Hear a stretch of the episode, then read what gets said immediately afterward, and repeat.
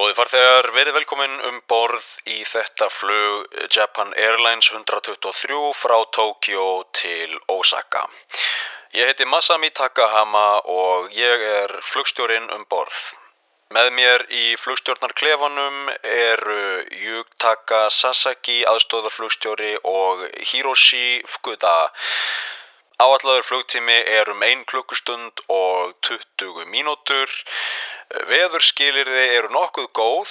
Það er smá suðvestan mótvindur um 9 metrar á sekundu, ekkert alvarlegt. Við verðum komin til Ósaka um kvöldmatarleitið.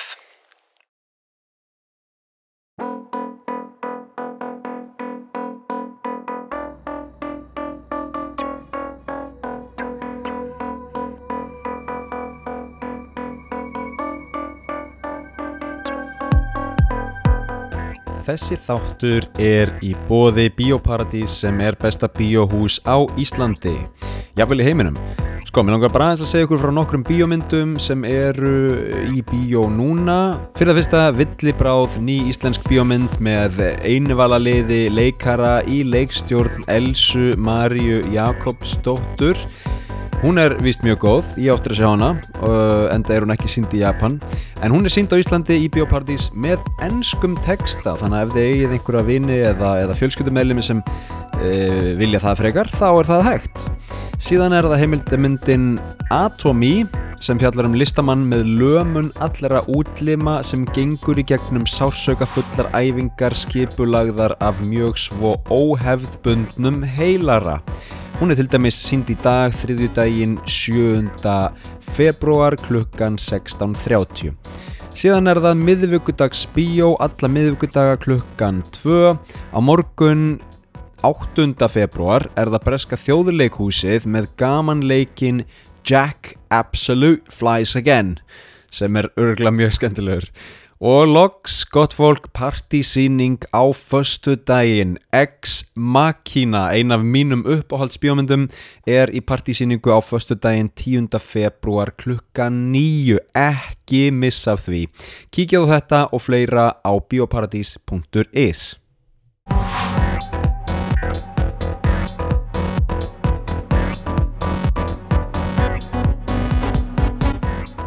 Gott fólk, velkomin í þátt númer 72, það er hlaðvarpið heimsendir sem heilsar og í þessum þætti langar mig að fara í smá sögustund og segja ykkur frá einu hræðilegasta flugslýsi allra tíma. Eh, Það er flugslýs Japan Airlines 123. Eh, Þetta verður þungur þáttur og ég kannski vara við því að þetta er svona þetta er ekki fyrir flugrætta kannski en, uh, en þetta er sem sagt atvik sem á stóran, svona nokkuð stóran þátt í japanskri flugsögu líklega stæsta þátt í japanskri flugsögu hinga til. Og er svona áhugavert þrátt fyrir að það sé nú mjög sorglegt allt saman. En ég ætla ekki að, hérna, tala, meira, ætla ekki að tala meira um það í byli við skulum bara fara beint í þáttinn og, og, og heyra söguna af Japan Airlines 123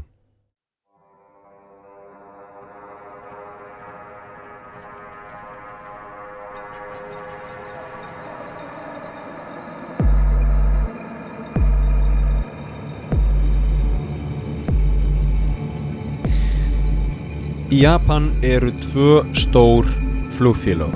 Japan Airlines stopnað 1951 og All Nippon Airways eða ANA stopnað 1952.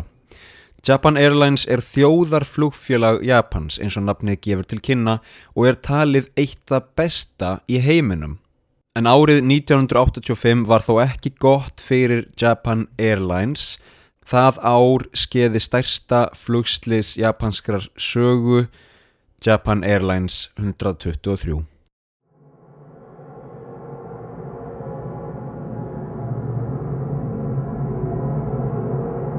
Klukkuna vantar 10 mínútur í 5 á eftirmiðdegi mánudags þann 12. ágúst 1985. Það er hlýtt í veðri um 30 gráður en það hásumar í Japan. Boeing 747SR-46 vél Japan Airlines er að lenda á Haneda flugvelli í Tókjó. Hún er að koma frá Tstóse sem er aðal flugvöllur Hokkaido eigu, norður Japans. Vegalengdin þarna á milli er ekki svo mikil, aðeins um 800 kilometrar og flugtíminn er rúm klukkustund. Mörg innanlandsflug í Japan eru svipuð stutt vegalengd og stuttur flugtími. Mest allt eldsneitið fer í raun í flugtakk og lendingu. En Japan er fjölmenn þjóð og ferðarlög innanlands eru vinsæl. Bara ef það væri hægt að fljúa með fleira fólk í einu, þá væri hægt að spara kostnað við allar þessar flugferðir. Boeing flugframleðandin svaraði kallinu og hóf smíði á nýri undirtegund 747 línunar. Svo gölluð SR-týpa sem var með minni eldsneitistank en fyrri týpur en gat fyrir vikið tekið fleiri farþega eða allt að 550 manns. Japan Airlines leist vel á þetta og festi kaup á nokkrum slíkum flugvílum fyrir innanlandsflug. Einn þeirra var vélinn JA8119 sem var einmitt að koma frá Tstóse umrætan dag 12. ágúst 1985. Rétt upp úr klukkan 18.00 sama dag var vélinn aftur tilbúin fyrir flugtakk. Flug Japan Airlines 123 frá Tókjó til Ósaka. Um borð voru 15 áhafnarmeðlimir og 505 farþegar. 12 mínútur yfir 6 tók vélin á loft frá Haneda og setti stefnuna fyrst í söður og svo söðvestur í átt að Ísu. Margir farþegar vélarinnar voru á leið heim til Ósaka eða í frí en það var óbón hátíðin á næsta leiti. Einn frægur söngvari var um borði vélinni, Q Sakamoto, sem var þá orðin frægur fyrir slagaran Sukiyaki, upprunalega Ue og Muite Aruko, sem margir Íslendingar þekkja, mögulega frægasta lag Japans í Versturlöndum.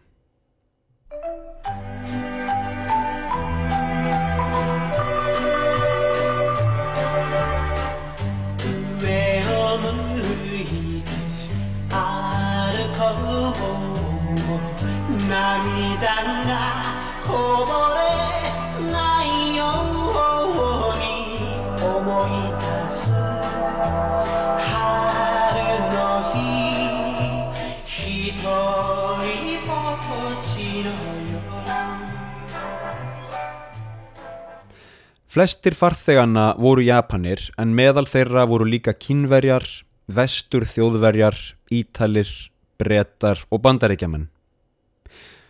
Svo var líka einn flugfreyja Japan Airlines um borð sem var þó ekki á vakt, Yumi Ochiai, 26 ára.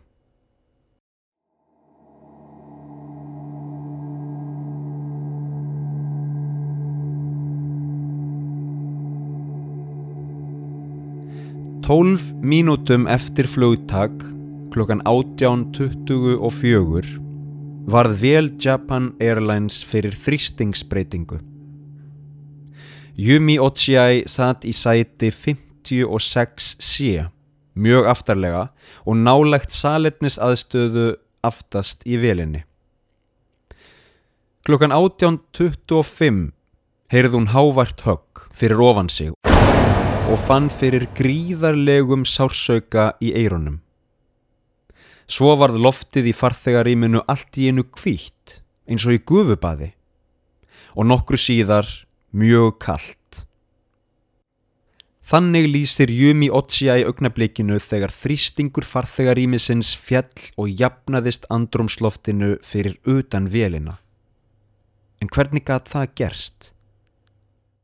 Í flugstjórnarklefanum voru þremenningarnir fljótir að senda frá sér neyðarkall til flugstjórnarinnar í Tókjó. Eitthvað hafði gerst. Flugstjórin Takahama hafði síðan beint samband við flugturn og baðum leifi til að snúa við til lendingar. Flugturn gaf leifið, hægri beigja tilbaka í átt að Tókjó. Aðstóðar flugstjórin Sasaki framkvæmdi beigjuna en beigjan var of kröpp. 40 gráðu snúningur til hægri. Sem sagt, hægri vangur vélarinnar benti nú 40 gráður niður á við. Réttu vélina af? Sæði flugstjórin Takahama. Ég næði ekki. Sæði Sasaki. Annar offisér fguða greip inn í. Vöggaþrýstingurinn er að falla. Ég endur tek réttu vélina af. Ég geta ekki, það gerist ekkert. Á þessum tímapunkti áttaði Takahama flugstjóri sig á því að vöggvastýringin væri að bila. Án hennar var vélinn svo gott sem stjórnlaus. Sasaki, lækkaðu flugið. Á næstu mínútum flög vél Japan Airlines í norð-vestur átt yfir Ísu. Flugturnin í Tókjó hafði gefið leiðbenningar um að setja stefnuna í norð-austur en ekki norð-vestur. Á þessum tímapunkti segir flugturnin flugstjórnar klefanum að skipta úr ensku yfir á japansku. Japan Air 123 vinsamlegast gefið frekari skýringar á stefnunni. Flugturnin var að reyna að ná sambandi við vélina. En þrýstingsbreytingin hafði þau áhrif að loftið inni í flugstjórnarklefanum var þund. Flugmennir virtust vera þjást af súrefnisskorti. Japan Air 123 flugturnin í Tókjó kallar getið þið lækka flugið? Uh, við erum að lækka flugið. Svaraði flugstjórin. En flugriti vélarinnar síndi að vélin var ekki að lækka flugið. Hún var þess í stað að lækka og hækka flugið á viksl, hæja á sér á leiðinu upp og hraða svo á leiðinu niður. Flugvélinn hafði mist alla vöggvastýringu. Þá hafði stjél vélarinnar einnig brotnað, svo engin leið var að halda henni stöðugri. Hún byrjaði að veltast um, eins og skip á siglingu. Fyrst snýst hún til hægri og hallar niður, síðan til vinstri, svo tilbaka og svo koll af kolli. Þetta heitir Dutch Roll. Þrátt fyrir þetta heldu flugmennirnir áfram að reyna að stýra vélinni. Það eina sem bar einhvern árangur var að gefa í og draga úr krafti hreiflanna til skiptis til að rétta af vélina. Á þessum tímapunkti var stefna vélarinnar að einhverju leiti rétt, í átt tilbaka að Haneda. En flugmennirnir náð ekki að lækka flugið. Mögulega hafa þeir ekki brúðist rétt við súrefnisskortinum. Það bendir nefnilega allt til þess að þeir hafi ekki sett upp súrefnisgrímur.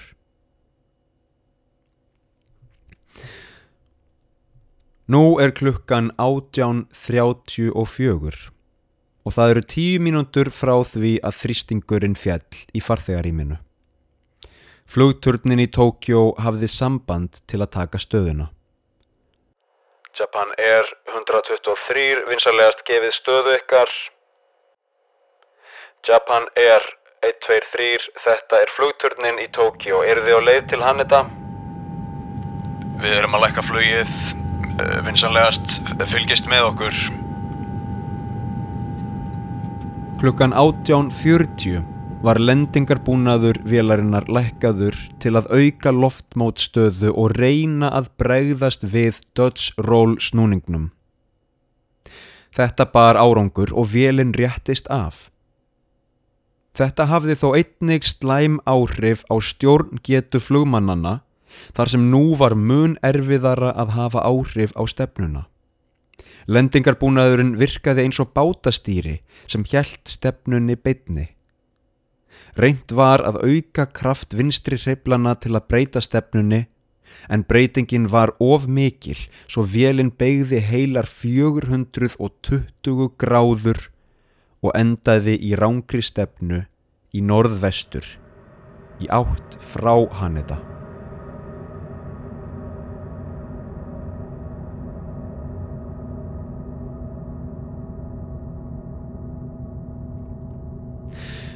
Á þessum tímapunkti hafði vélinn lækkað flugið niður í 13.500 fet eða rétt rúma fjóra kílometra. Í þeirri hæð er loftið þykkara og fyrir vikið virtist draga úr súröfniskorti flugmannanna. Þeir urðu minna kærulausir og fóru fljótt að átta sig á alvarleika málsins. Þeir sáu líka að nú stemdi vélinn í átt að fjallendi Gunma héræðsins. Allt var reynt til að breyta stefnu eða hækka flugið en vélinn var stjórnlaus. Klukkan 18.47 var tekin fræg mynd af vél Japan Airlines 123. Myndin er nokkuð óskýr en þó sést greinilega að stjélvélarinnar er farið, brotnað af vélinni. Áframlækkaði flugið, nú í 2100 metra hæð og rétt yfir fjallgarðinum. Flugstjórin gaf skipanir í flugstjórnarklefanum. Fullan kraft áfram. Við verðum að hækka flugið. Fullan kraft áfram. Flugturnin kallaði stöðugt en flugstjórnarklefin svaraði ekki.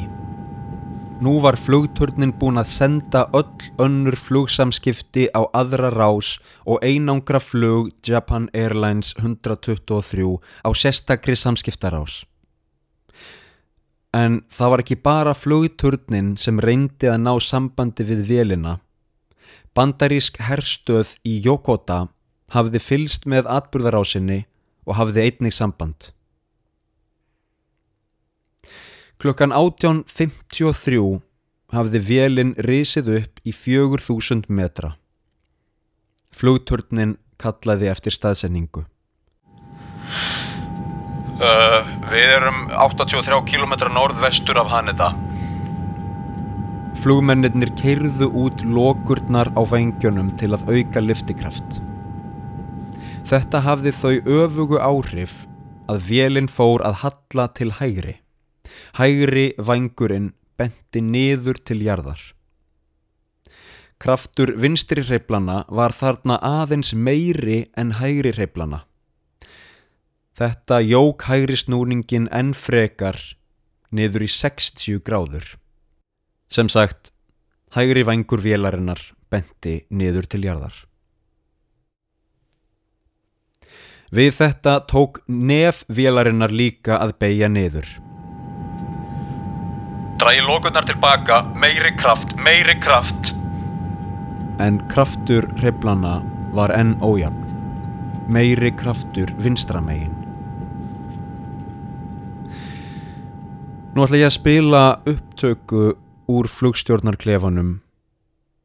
Þar má heyra flugstjóran og flugmennina reyna eins og þeir geta að lifta vélinni.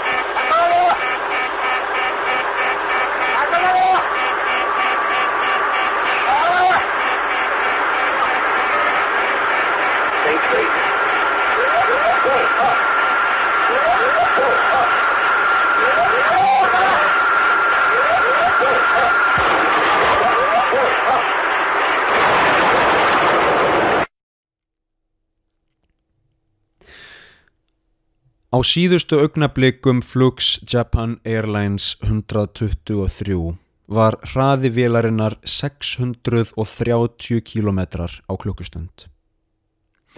Fyrsti áreiksturinn varð þegar hægri vangurinn skar inn í trjálendi fjálsins Míkunni í um 1500 metra hæð yfir sjávarmáli.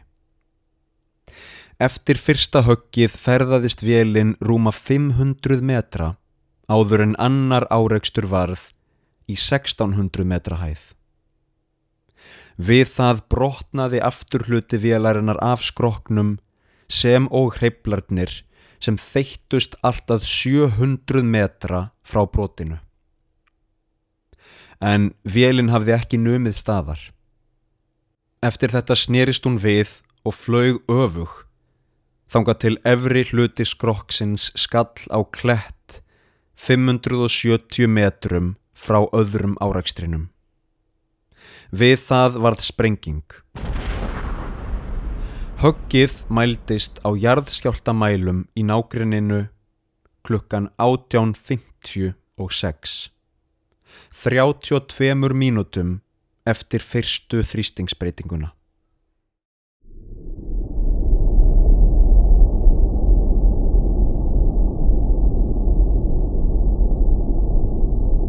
Meiri hluti Japans er skógi vaksið fjallendi. Einn af mörgum fjallgörðum landsins er í Gunma héræði. Þar, við rætur fjallsins Mikuni, lá brotin skrokkur vélarinnar og óvíst hvort einhver hinna 524 einstaklinga um borð væri á lífi. Hittastígið var enn um 27 gráður en það var komið myrkur. Bandarískir hermenn við Yokota herstöðuna í Japan höfðu fylst með neyðarkallinu og samskiptum vélarinnar við flugturn.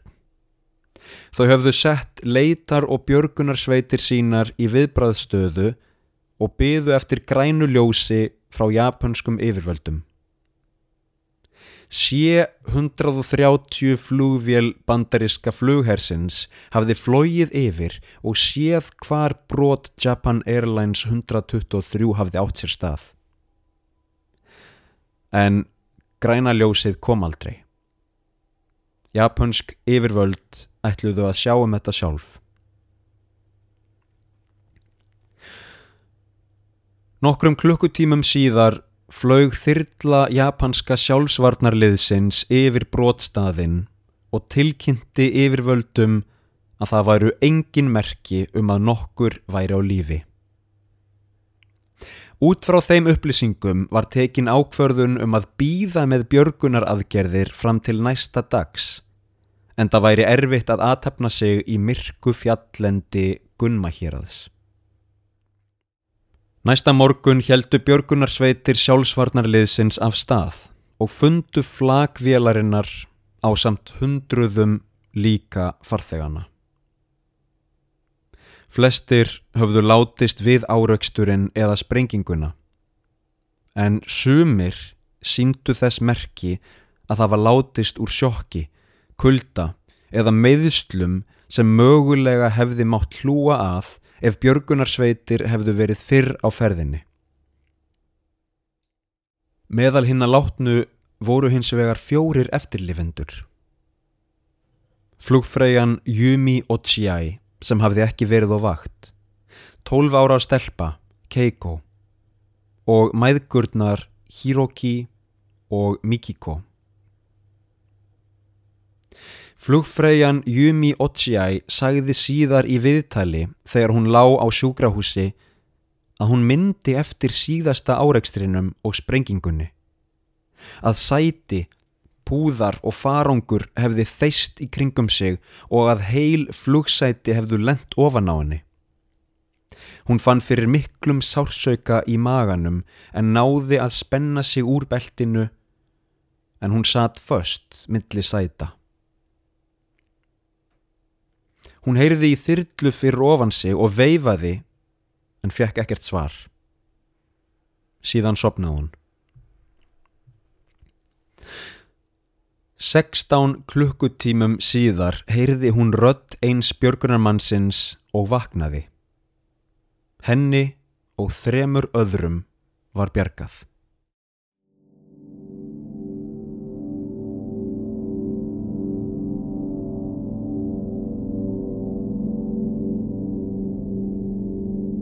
Flugsliðs Japan Airlines 123 var versta einnar vélar flugsliðs sögunar.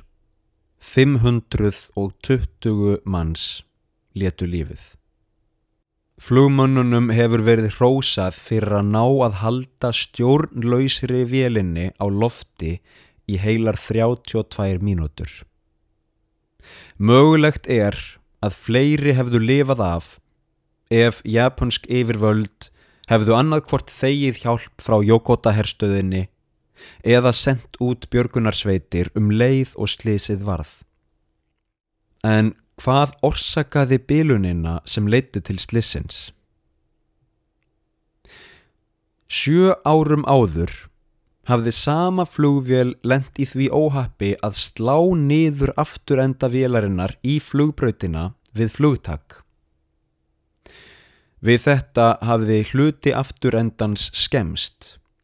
Tæknimenn frá Boeing höfðu gert við þann hluta vélarinnar sem tengir stjelið við skrokkin, en viðgerðin var ekki rétt framkvæmt. Niðurstöður rannsóknar leittu í ljós að slík viðgerð myndi aðeins endast í 11.000 flug. VL Japan Airlines hafði flóið 12.318 sinnum eftir viðgerðina. Í síðasta fluginu, Japan Airlines 123, hafiði viðgerðin loks brostið með þeim afleiðingum að aftur hluti farþegarýmisins fjall saman og olli þrýstingsfalli. Stjélvélarinnar brotnaði af og allar fjórar leiðslur vökvastýringarinnar ropnuðu. Eftir slísið var óljóst hver myndi taka ábyrð. Var það Japan Airlines eða Boeing? Japan Airlines greitti samtals um 850 miljónir króna til fjölskyldna þeirra sem létust. Forseti Japan Airlines létt af störfum hjá félaginu. Nokkru síðar kom í ljós að tveir starfsmenn Japan Airlines, Hiro Tominaga, yfirmaður viðhalds og viðgerða og flugvirkin Sasumu Tajima sem hafði skoðað og gefið grænt ljós á umrætta vél höfðu tekið eigið líf. Í dag flýgur Japan Airlines ekki undir númerinu 123. Því hefur verið skipt út fyrir 121 og 127. Fjölskyldur fórnarlampana koma saman þann 12. ágúst árkvert við sliðsstaðin í Gunmahýraði til að minnast ástvinna.